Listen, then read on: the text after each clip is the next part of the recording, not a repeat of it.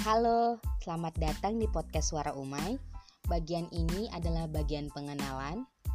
Alasan aku akhirnya memutuskan untuk membuat podcast ini, aku ingin berbagi kepada teman-teman semua yang mungkin pernah berada di posisiku atau bahkan yang belum pernah sama sekali.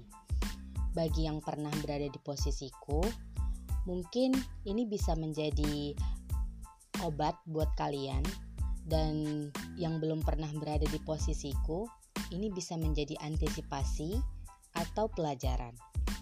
Podcast ini bukan hanya mengenai suara kehidupan seorang umai, tapi beberapa sudut pandangku mengenai isu-isu terkait yang layak untuk dibicarakan.